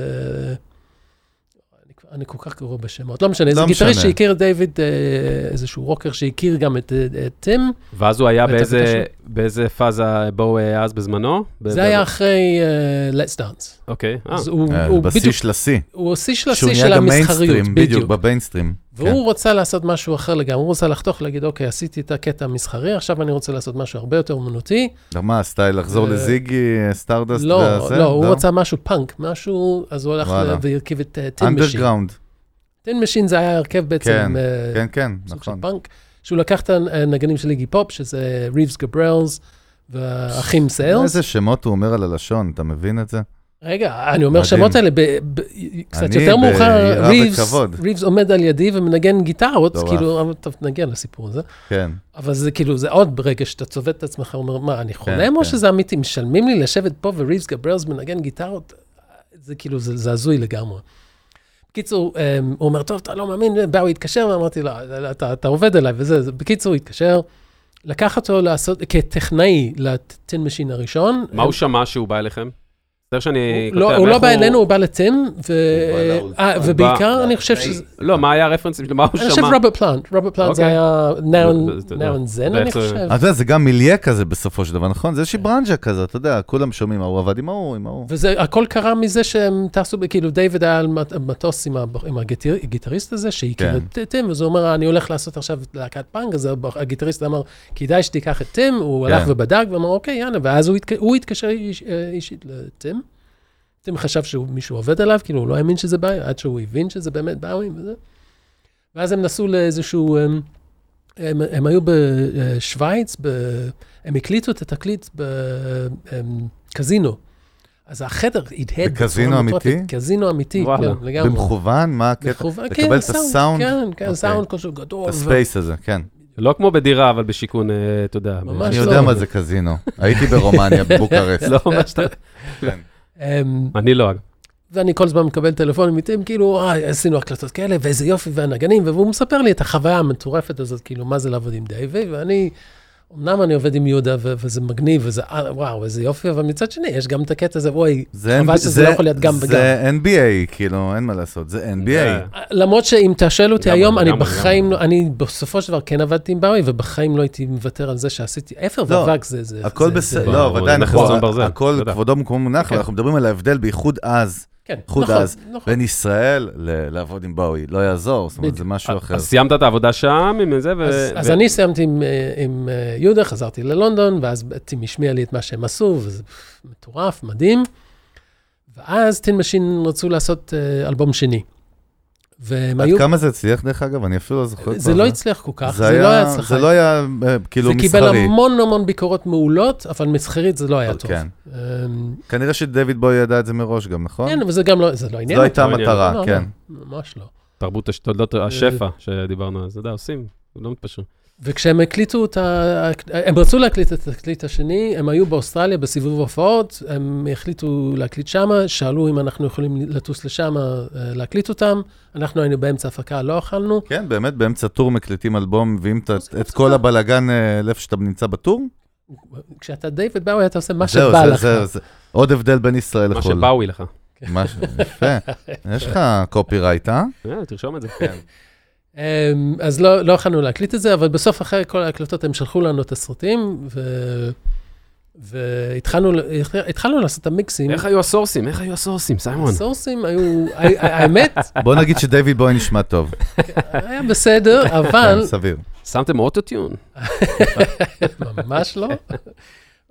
תכף אנחנו נגיע של. גם. לא לשכוח. אמ, התחלנו, לעשות את המיקס עכשיו בשיטת העבודה שלנו, אני הייתי בא בהתחלה, אמ, עושה, פותח שולחן, מה כמה. ערוצים, אגב, סתם באמת פרויקט זה ממוצע? היה 32, אה, זה היה על סרט דיגיטלי, אה, מיצובישי 32. סטו. ו... אז אני פתחתי שולחן. והאמת, על השיר הראשון, איך שפתחנו, ב- בס תופים, הכל סבבה, והגיטרות, משהו, אה, משהו היה חסר קצת. כן. אז קראתי לטים, אמרתי לו, "ט- בוא, בוא תשמע, תגיד לי מה אתה חושב. כאילו, אני אומר, משהו עם הגיטרות לא, לא מספיק, זה לא מספיק עשיר, לא מספיק עמוק, מה, מה אתה חושב? הוא אומר, אתה לגמרי צודק. הרים טלפון לחברת ההנהלה, אמר, אנחנו רוצים שריבס יגיע אלינו, שיקליט מחדש את התפקידים. זה נקרא באנגלית to orchestrate it, כאילו לפזר אותם על כמה ערוצים, סאונדים שונים. לתזמר בעברית, כאילו, אבל הסא- זה, לא- כן, לא- זה לא הסאונד שלהם היה זה, זאת אומרת, התפקידים שהם ניגנו ספציפית. זאת אומרת, ה- ה- הוא ניגן את, כאילו, ערוץ אחד של גיטרה, וזה לא היה מספיק בשביל להחזיק את אה, כל ערוץ ה... אחד. היה צריך להעשיר את זה בעוד כמה ערוצים. בדיוק, בדיוק. אוקיי. לתת לזה קצת יותר זה כבר מרקם. זה כבר התעסקות כאילו ב production, בעיבוד לא, אולי. אבל זה אה, לא קשור למיקס אוקיי. בכלל, זאת לא, אומרת, לא, אוקיי. לא. ואז אמרו, אין שום בעיה, הטיסו את אה, ריבס גבריאלס. אשכרה מטיסים בשביל לעשות את זה. מה שהיום עושים ב SoundBetter, או איך זה נקרא נכון, שי? כן, ב- מעבירים כזה, מעלים באינטרנט מהיר, ויאללה, סע. ה-ISDN line ויאללה, כן, 1, 2, כן. 3, go. כן. אמ. עכשיו, קודם כל, לפני כל הסיפור הזה, מת- מתחיל לי- ליפול לי האסימון, רגע, אני הולך לעבוד עם דיוויד סוף סוף, איזה כיף. והוא באותו זמן היה ב tour עם, ב tour. לא, לא עם Tin Machine, הוא היה עם ה tour שלו, אני, אני חושב שזה היה Glass Spider Tour או משהו, לא משנה. בקיצור, זה, הוא, הוא היה בסיבוב אה, באירופה, אז אנחנו היינו צריכים ל- לעשות את המיקס ו- ולשלוח ל- את הקלטת אה, DAT, אה, קלטת דיגיטלית. ADAT, לא? כן. לא, אה, ADAT זה סליחה. ה multitrack, נכון, DAT נכון, זה נכון, היה סליחה, left, right. כן. אז היינו, שר... המנהלים היו אומרים, אוקיי, היום תשלחו לאוסטריה, היום תשלחו למלון הזה בדנמרק, בלה בלה בלה, reminder, אין אינטרנט עדיין בעולם. עדיין אין אינטרנט. זהו. אפשר גם, לא. אגב, אפשר להשמיע גם אחרי זה איזה chunk מהשיר הזה. אה, בבקשה, אתה יודע, זה... ב- בתוך ה... לא, בתוך ה... אתה אפרופו כאילו זכויות יוצרים, פודקאסטים, אני לא יודע, אתה מומחה לספוטיפיי ואקו"ם, תגיד לי אתה. רק את זה, נרים את זה. סליחה, אנחנו- מנהלים דיונים כבר על אה, קדימה. פשוט טון למעלה הכל, לא, אבל... לא, לא, סתם, לא, לא יקרה, לא יקרה, כן. סליחה, לא כן, יקרה, סיימון, כן. אנחנו איתך. תדע לך עכשיו אמיתי, אני אומר לך, הכי אמיתי, אתה- כל מה שאתה מספר לי, אתה מכניס אותי בתמונה, אני אני מרגיש שאני שם. זה- וואו, זה- איזה כיף. לא, זה- אני- אני יושב שם באוסטרליה, אני לא יודע אם זה מלבורן רק או או סידני, לא הבנתי, אבל אני ממש שם, ויאללה, יפה. shoot, אנחנו איתך. אנחנו, דרך אגב, אנחנו, הם הקליטו בסידני, אנחנו- או במלבורן, אני לא זוכר. לא יודע, שתלת לי אוסטרליה. אנחנו היינו באולפן של אה, פיט טאונזנד בלונדון בכלל. פי ממקססים את טאוזן זה. מדהו, הוא, כן. מדהים. שזה המגניב, כאילו, אתה אתה בא לעבודה, ובחדר השני אתה שומע אותו מנגן רגע, עכשיו. דויד בואי לא היה שם ב process, אז לא לא, יצא הוא, הוא לכם? בכלל לא שם, ואני אומר, איזה כיף שאני עובד איתו, אבל אני לא הולך לפגוש את זה, איזה באסה. עד שהיה איזה שיר אחד, היו שני שירים שהוא החליט שהוא רוצה להחליף טקסט. בן כמה היית, אגב, בכל הסיפור הזה? תן לי, אני פשוט, אם אני מדמיין. כן. צעיר? אתה אה, לא, בדיוק 30, כי סטטוס... אתה מבין שהוא היה בגיל 30, מה זה 30? זה כאילו ילד היום בישראל. כן. והוא כבר עושה בואי, אחי, באולפן של דהו. כן, אמ, אנחנו מתלהבים מהצד, מה לעשות, נו מה. אני מתלהב, תספר את הסיפור, זה מזכיר לי שעבדתי עם באבי. נכון, בהחלט, אה. חד משמעית. אמ, אז אנחנו אה, באיזשהו שלב עשינו קצת תיאום אה, יומנים, עניינים, איפה אנחנו, מתי אנחנו נהיה באותו עיר, באותו מקום, אז הגענו לסיטואציה שאנחנו בעוד חודשיים מתחילים הפקה עם להקה בלוס אנג'לס, הוא יהיה בדיוק בלוס אנג'לס, ניפגש שם, נעשה את ההקלטות שירה, נמקסס את השיר, ואז אפשר להוציא את האלבום. אז הבנתי, יופי, אני אוכל, סוף סוף אני אפגוש אותו. Um, עכשיו, אפרופו הסיפור הזה, מה, מה למדתי, כאילו, מה הדבר העיקרי שלמדתי? דרך אגב, זאת השאלה הראשונית שהייתה, כן. באמת, מה... באיזשהו שלב הוא, דיוויד בא אליי ואומר, תשים איזה מיקרופון, אני רוצה לתקן משהו. אז אמרתי, אוקיי, מה, מה, מה אנחנו הולכים לתקן? רגע, מה אמרת? אמרת שדיוויד בואי בא. הוא, הוא, הוא כבר, זה אנחנו, כשאנחנו אז, אז כבר עושים את המיקס, ביחד. כאילו, כן, אנחנו כן. כבר ביחד. זאת אומרת, אתה יכול לשים לי מיקרופון, אני רוצה להקליט משהו, לתקן משהו, אז אמרתי, מה אנחנו הולכים לתקן? אז הוא אמר, בפזמון השני יש איזה קול שני שאני רוצה לשנות אותו. אמרתי, אבל, אבל, זה, אבל זה מושלם. אמר, כן, בגלל זה. Mm-hmm. אז הוא נכנס לאולפן, הקליט את התפקיד הזה, לא מושלם, הוא הזיז את זה, והשליטה שיש לו בקול זה מטורף. הוא בכלל לא חשב, הוא לא מחזיק את עצמו, זה זמר בכלל, אבל... נכון. אבל הוא זמר. השליטה שיש בו מטורפת, אז הוא הזיז את הפיץ' כאילו באיזה עשר סנטים, כאילו טיפה למעלה. וואלה. ופתאום הפזמון נפתח, אז אמרתי, מה, איך עלית? הוא אומר, הכל נשמע לי כאילו קטן, כי הכל היה נורא נורא מדויק. Mm. וברגע שהוא טיפה זייף פה וטיפה זייף שם, ושם בטיים, כאילו, לא היה אה? מושלם. לגמרי. הפזמון שלנו נפתח בצורה מטורפת, וזה היה בית ספר בשבילי, כי אסור, אסור, אסור לעשות אוטוטיון. זהו, רגע, אז, אז בוא תכניס לפריים. באמת, היום, היום אנחנו בעידן, ושוב, אני יכול רק שעות לדבר איתך על השינוי, המודיפיקציות בטכנולוגיה, כי מצד אחד אתה בא מהעולם האנלוגי, מצד שני אתה עובד עם Waves על פיתוח של טכנולוגיות חדשות באודיו, יש איזשהו עניין של קודם כל ה fast uh, food, מה שנקרא. אתה יודע, היום, היום הכל נגיש, טכנולוגיה נגיש, יש פריסטים, אני אפילו לא יודע גם משתמשים בהם, אין לי מושג. בכל plugin, גם של UAD, דרך אגב, ש, שאני חולה עליהם ויש לי כרטיס שלהם, אבל אה, יש לך, הכל מאוד פריסטי ומאוד, אה, שזה כאילו... אחלה דבר, אני, הפריסט בשבילי זה אחלה קיצור דרך, אבל בדיוק. אוי ואבוי אם אנחנו נשען רק על, אני, זה נקודת ההתחלה. זה... אני, יש דברים שהם כל כך קיצוניים, זה שדייוויד הגדיל לנו את התמונה, זה בגלל שהוא שינה כאילו, את זה בקצת. אני אגיד לך מה מעניין אותי, אם לדייוויד, האם דייוויד בוי היה משתמש באוטוטיון? זה מה שמעניין. יכול להיות שהוא היה משתמש באוטוטיון בשביל להרוס קצת. כמו ריברב? כמו ריברב, כאילו, כמו לא, אפקט? לא, כאילו, אבל עוד פעם, בגלל שיש לו את השליטה שיש לו, אז הוא לא כן. צריך אותו. אבל דיוויד, דיוויד, הוא היה פיוניר של כל מיני טכנולוגיות ודברים כאלה. אני בטוח שהוא היה משתמש בזה בצורה שלא חשבנו עליה. סיימון, מי, מי, אתה, מי אתה אוהב היום? כאילו, אמנים לא, לא בארץ דווקא, לא, אולי, אולי חו"ל יותר, אתה יודע, אולי בארץ סתם, איזה דברים, או אם אתה שומע, מה התדירות שאתה שומע מוזיקה ביום-יום? האמת, אה... הרבה פחות, כי אני עובד כל כך הרבה, אני עובד... יש לך עומס, כאילו. בסביבות ה-12 שעות uh, ביום. שזה כלום לעומת ה-20 שעבדת שהיית נכון, צעיר, אבל זה, זה, זה, אבל זה עדיין מלא, כן? כן? אז, אז בסוף היום כבר לא כל כך בא לי לשמוע מוזיקה, mm-hmm. אז אני, כן, אני, אני בעיקר כאילו מקשיב לתחנת רדיו בריטית שמשדרת על ספורט, כאילו, ובעיקר כדורגל, כי אני חולה כדורגל. כן, אתה חולה ספורט? אחלה מוזיקה. כן, כן, זה, כן. אז זה מנקה לי את הראש. אבל בכל זאת צריכים להיות, להתעדכן וצריכים להיות... כאילו, אם, כן. אם נדייק את השאלה שלנו, מה ה cup of tea שלך באופן כללי? רוק. אני, אני רוקר לא, ב- לא, במקום, לא, אבל... אה, זה לא מדייק לי את השאלה. זה, להפך, זה פיזר אותה קצת. בשום פנים ואופן. סליחה. חשבתי, חשבתי, חשבתי. לא, אבל, אה, אה, כן, אתה אומר רוק וזה, אבל מה נגיד, איך אתה, אתה יודע, אמרת, אני אנסח את זה בצורה, נדייק את ה... נדייק את ה... אנושית, תנסה באנושית. לא, אבל מה, מה עוד, אה, אתה יודע, ממה אתה נהנה היום, אתה יודע, אם מוזיקה תופסת חלק גדול מהיום שלך, ומוזיקה נחשבת כ... אתה יודע, כתחביב או כ... לא, משהו שגורם לאנשים הנאה. בגלל שהוא מתעסק במוזיקה כל היום, כן, ברור, אז אני אומר, מה בקטע הפרטי האישי שלך, סתם כסיימון ה-human being, כאילו, מה, מה, ממה אתה נהנה היום? כדורגל, ספורט? כן. כאילו, מה... כדורגל, ים, אה, כל מיני דברים, אבל עוד פעם, זה קטע, זה חטח מאוד קטן מהחיים, כן. כי החיים העיקריים זה מוזיקה בגלל, כאילו, השעות שאני עובד איתם. עד כמה, דרך אגב...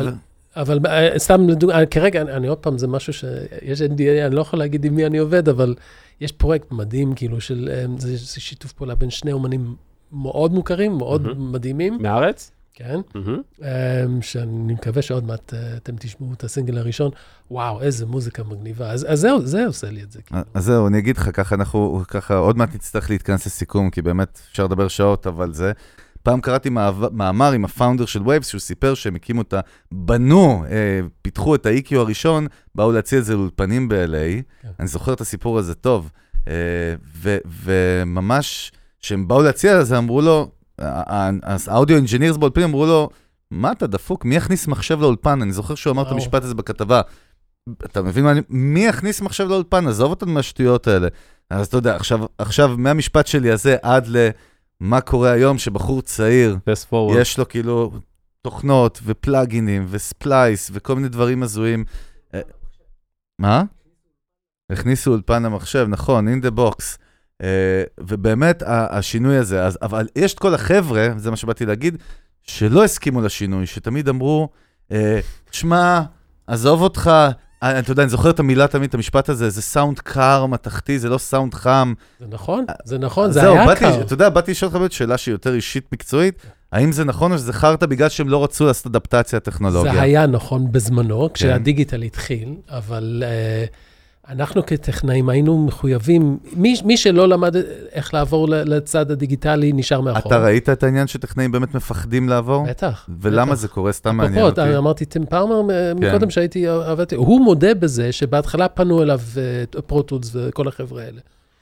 הוא קיבל הדגמה, הוא אמר, סבבה, תודה רבה, לא בשבילי. מדהים. הוא, ובאיזשהו שלב הוא הבין שזה חייב בשבילו, אחרת הוא נשאר מאחורה. אבל בהתחלה זה, זה היה נוראי. אז אנחנו היינו, עבדנו מאוד מאוד קשה. כדי לשפר את הדבר הזה, עד שהגענו ל... אני חושב שבאזור 2000, 2003, 2004, באזור זה פחות או יותר. שם זה קרה? שם זה קרה שקיבלנו מספיק הבום. כלים, 아. אה. שיכלנו להפוך את הסאונד הקר הדיגיטלי הנוראי הזה למשהו אנלוגי. לא, אבל מעבר לזה אני מניח גם, ועוד פעם, אני, אני, דווקא אתה מאוד דיגיטלי היום, אז זה לא עליך. לגמרי, אני, אני היום, כששואלים אותי, מה ההבדל בין אנלוג לדיגיטל? אין שום הבדל. אני, יש לי, כשאני שומע שיר ואני רוצה להגיע לתוצאה מסוימת, mm-hmm. אם אני עובד אנלוגי, אני אעבור מפה, אם אני עובד דיגיטלי, אני אעבור... אני אעבור אתה יותר... זה הכל tools. זה הכל tools. בדיוק, זה, זה, זה, זה איזה כלי אתה רוצה להשתמש בו כדי להגיע לתוצאה שאתה מחפש. אחוזים, אחוזים ווייז, אתה עובד יותר in the box? מאה אחוז. מאה אחוז. מישהו שאל אותי אם אני רוצה לעשות מיקס אנלוגי, אמרתי לו, אני אשמח לעשות את זה. אתה, רוצ, אתה עושה את זה בגלל שאתה... רוצה לקבל תוצאה מיוחדת, או שאתה רוצה את החוויה. אז הוא אומר, אני רוצה תוצאה מיוחדת, הוא אומר, לך למישהו אחר. וואלה. אני אביא לך את אותה תוצאה, אז מדהים. אין טעם. הבנתי. אני, אם הוא אומר, אני רוצה את החוויה, אז אני עושה את זה בכיף, כי משם התחלתי, ונורא כיף לי לסובב כפתורים, אבל זה, זה לא מביא לי תוצאה אחרת היום. אני מגיע בדיוק אותה תוצאה, והוכחתי את זה, גם בהתחלה כשדיברתי את זה, אמרתי, אני לא בטוח אם זה נכון או לא, הוכחתי לעצמי, כי עשיתי מיקסים לקרן פלס. In the box ואנלוג, ועשיתי את זה גם לעברי לידר. כאילו A-B testing כזה, מה? כן, כן. תגיד, בקטע של טעם אישי, אמ, כאילו, היה לך תהליך שעברת בקטע של, נגיד, טעם אישי, אתה יודע, אתה מקבל לעשות מיקס לשיר שאתה לא אוהב, שאתה על הפנים, איזה, שאם היית בתור מאזין, שומע אותו, היית אומר, בוא'נה, איזה שיר, אלוהים שישמור אותי. אתה יודע, איפה זה, ברור ש... זה הפרדה מקצועית, ברור, לא? ברור, ברור שהפרדה מקצועית. היה לך תקופות שזה היה יותר קשה לעשות, שהיית אומר, וואלה, כאילו, אתה יודע, השיר הזה, ברור שהיום... לא תקופות, זה לא... זה, איזה זה... פאזות כאלה שעברת, או שמההתחלה אתה הסתכלת על זה קטע מקצועי, לא, טעם אישי בצד? לא, יש כאלה שאם... אני, כ, כמיקסר, אני חייב להביא משהו מעצמי לתוך השיר. אז אם אני לא מתחבר בכלל בכלל, אז אני אגיד, חבר'ה, אני לא יכול, אני לא יכול למקסס את זה, זה לא בשבילי. עוד פעם, זה קורה לעיתים מאוד רחוקות. ואם יש שיר שאני אגיד, פחות, פחות אוהב, אני אכניס, אני אכניס מספיק מעצמי בשביל להתאהב בשיר הזה באיזשהו שלב. אני לא אגיע לסוף השיר, לסוף הת, התהליך, ו, ואם אני לא מרגיש שאני אה, שלם איתו, אז, אז אני, אני אגיד להם, חבר'ה, אני לא הצלחתי, אבל זה לא קורה. Mm-hmm. זה פשוט אני מצליח להכניס מספיק מעצמי בשביל שאני אוכל להתאהב בשיר הזה. אם באמת אה, אנחנו צריכים לסכם את זה באיזשהו, באיזושהי נקודה אחת, ויש הרבה, אה, איזשהו מסר ב... דווקא, אתה יודע מה, בוא נלך לאנשים שהם, אני לא יודע אם יש בהגדרה מישהו שהוא audio engineer, כי audio engineer, הרבה מהיוצרים היום, נכון אלון? הם בעצמם סוג של audio engineers? כאילו, כן, אתה, כן, הרבה אז, אז תן בין איזשהו באמת את ה two cents שלך מהניסיון כל כך של עשרות שנים, מה טיפ או שתיים שאתה אומר לאנשים שהם בין יוצרים slash עושים את ה engineering של עצמם, או ל engineers ממש, לאנשי סאונד. אומנים שמקליטים את עצמם, זאת אומרת, הם יודעים מה הם עושים, הכל סבבה. מי שבאמת מחפש מיקס ברמה הכי הכי הכי גבוהה, חייב ללכת לטכנאי מיקס, ולאו דווקא אליי, אבל לטכנאי מיקס עם המון ניסיון. יש לזה עדיין משקל רציני. בטח. אם אתה באמת רוצה להביא את התוצר הכי הכי טוב שאתה יכול לשיר, אתה חייב ללכת למישהו שעשה את זה כבר. הרי יש את הבחור הזה עשרת אלפים שעות בשביל להיות מומחה. כאומן אתה לא יכול להגיע לרמה כזאת. כמה שלא תהיה אה, אה, עם כישרון אדיר וזה, הניסיון הזה מדבר בעד עצמו.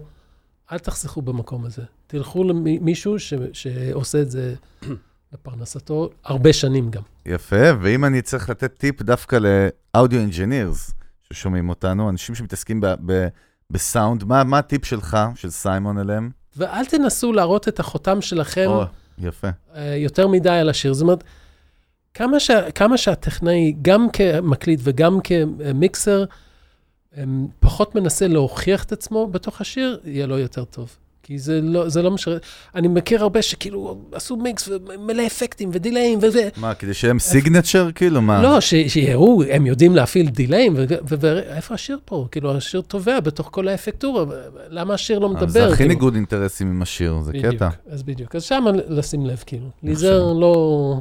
אני חושב שזו תובנה נפלאה, לא אלון? אז uh, קודם כל, אנחנו באמת רוצים להודות סיימון ויינשטוק, מבחירי הטכנאים בארץ, uh, שהסכים לתת מזמנו ולשבת איתנו פה על השולחן ב Music Business. ואלון, אנחנו מזכירים באמת uh, לכל המאזינות והמאזינים שהפרק הזה נמצא ב... Spotify, Apple Music, Stitcher, Google Podcast, YouTube, ויש לנו גם, ואת זה בעצם אתם מחפשים ב, בעברית, ב Music Business. יש לנו גם אתר שנקרא musicbusiness.co.il, ואת זה באנגלית. ותעקבו, תוסיפו אותנו, וגם אם אתם אפילו רושמים כבר ב search ב Google Music Business Podcast או Music Business בעברית, אתם מגיעים ישר לאתר שלנו ולפרקים המלאים, וגם הפרק הזה עם סיימון יהיה שם. ובאמת... אפשר גם, אפשר גם לתת reviews ב Apple, אה, ב Apple Podcast. אני אפילו ראיתי שנתנו לנו כן, בינתיים טובות, אם זה לא פרופיל מזויף שלך שכותב אותם, אז אני מניח שזה... שיט, עלית עליי. קלטתי. לא, אבל תשתפו, תאזינו, תספרו כן, לנו גם מה אתם חושבים. לא, אנחנו נשמח להראות. מקבלים, כן, כן. גם בפרופילים שלנו יש לינקים ישירים אליי ואל אלון באתר של מיוזיק ביזנס, בלינקדין, בפייסבוק, באינסטגרם, אנחנו שמה, אה, ובאמת אנחנו רוצים להודות לאולפני פלוטו. והמדהימים, באמת שכיף לנו, הבית שלנו, שפה אנחנו עושים איתם בשיתוף את הפרק הזה ואת כל הפודקאסט הנפלא הזה. אנחנו שוב רוצים להודות לגדי פיינגוד ולשי דיין ולגל אזואלוס. אזואלוס או אזואלוס? תמיד, אתה מבין שיש לנו דיון על זה תמיד. אזואלוס. הוא במקרה פה עכשיו. סגור. אז תודה לגל אזואלוס הנפלא, שבלעדיו כל הסאונד לא היה קורה פה, אם אין סאונד, אין פודקאסט. אה, ותודה תודה לכם, דרך אגב. תודה לך, סיימון. באמת, התעשייה הזאת צריכה אתכם, אז תודה שאתם אה, עושים את מה שאתם עושים. תודה, מעריכים את זה. שילמנו לסיימון צ'ק של אלף דולר על המשפט הזה, וזה היה משפט מצוין. לא, זה בארטר על מיקס, טוב, אתה מבין? אבל באמת תודה, סיימון ויינשטוק האגדי והגדול, אלון אני ברק, אה, אנחנו היינו אלון וחגי גולדובסקי. נתראה בקרוב בפרק 6. yes, תודה חברים, תודה סיימון. ביי ביי. ביי ביי,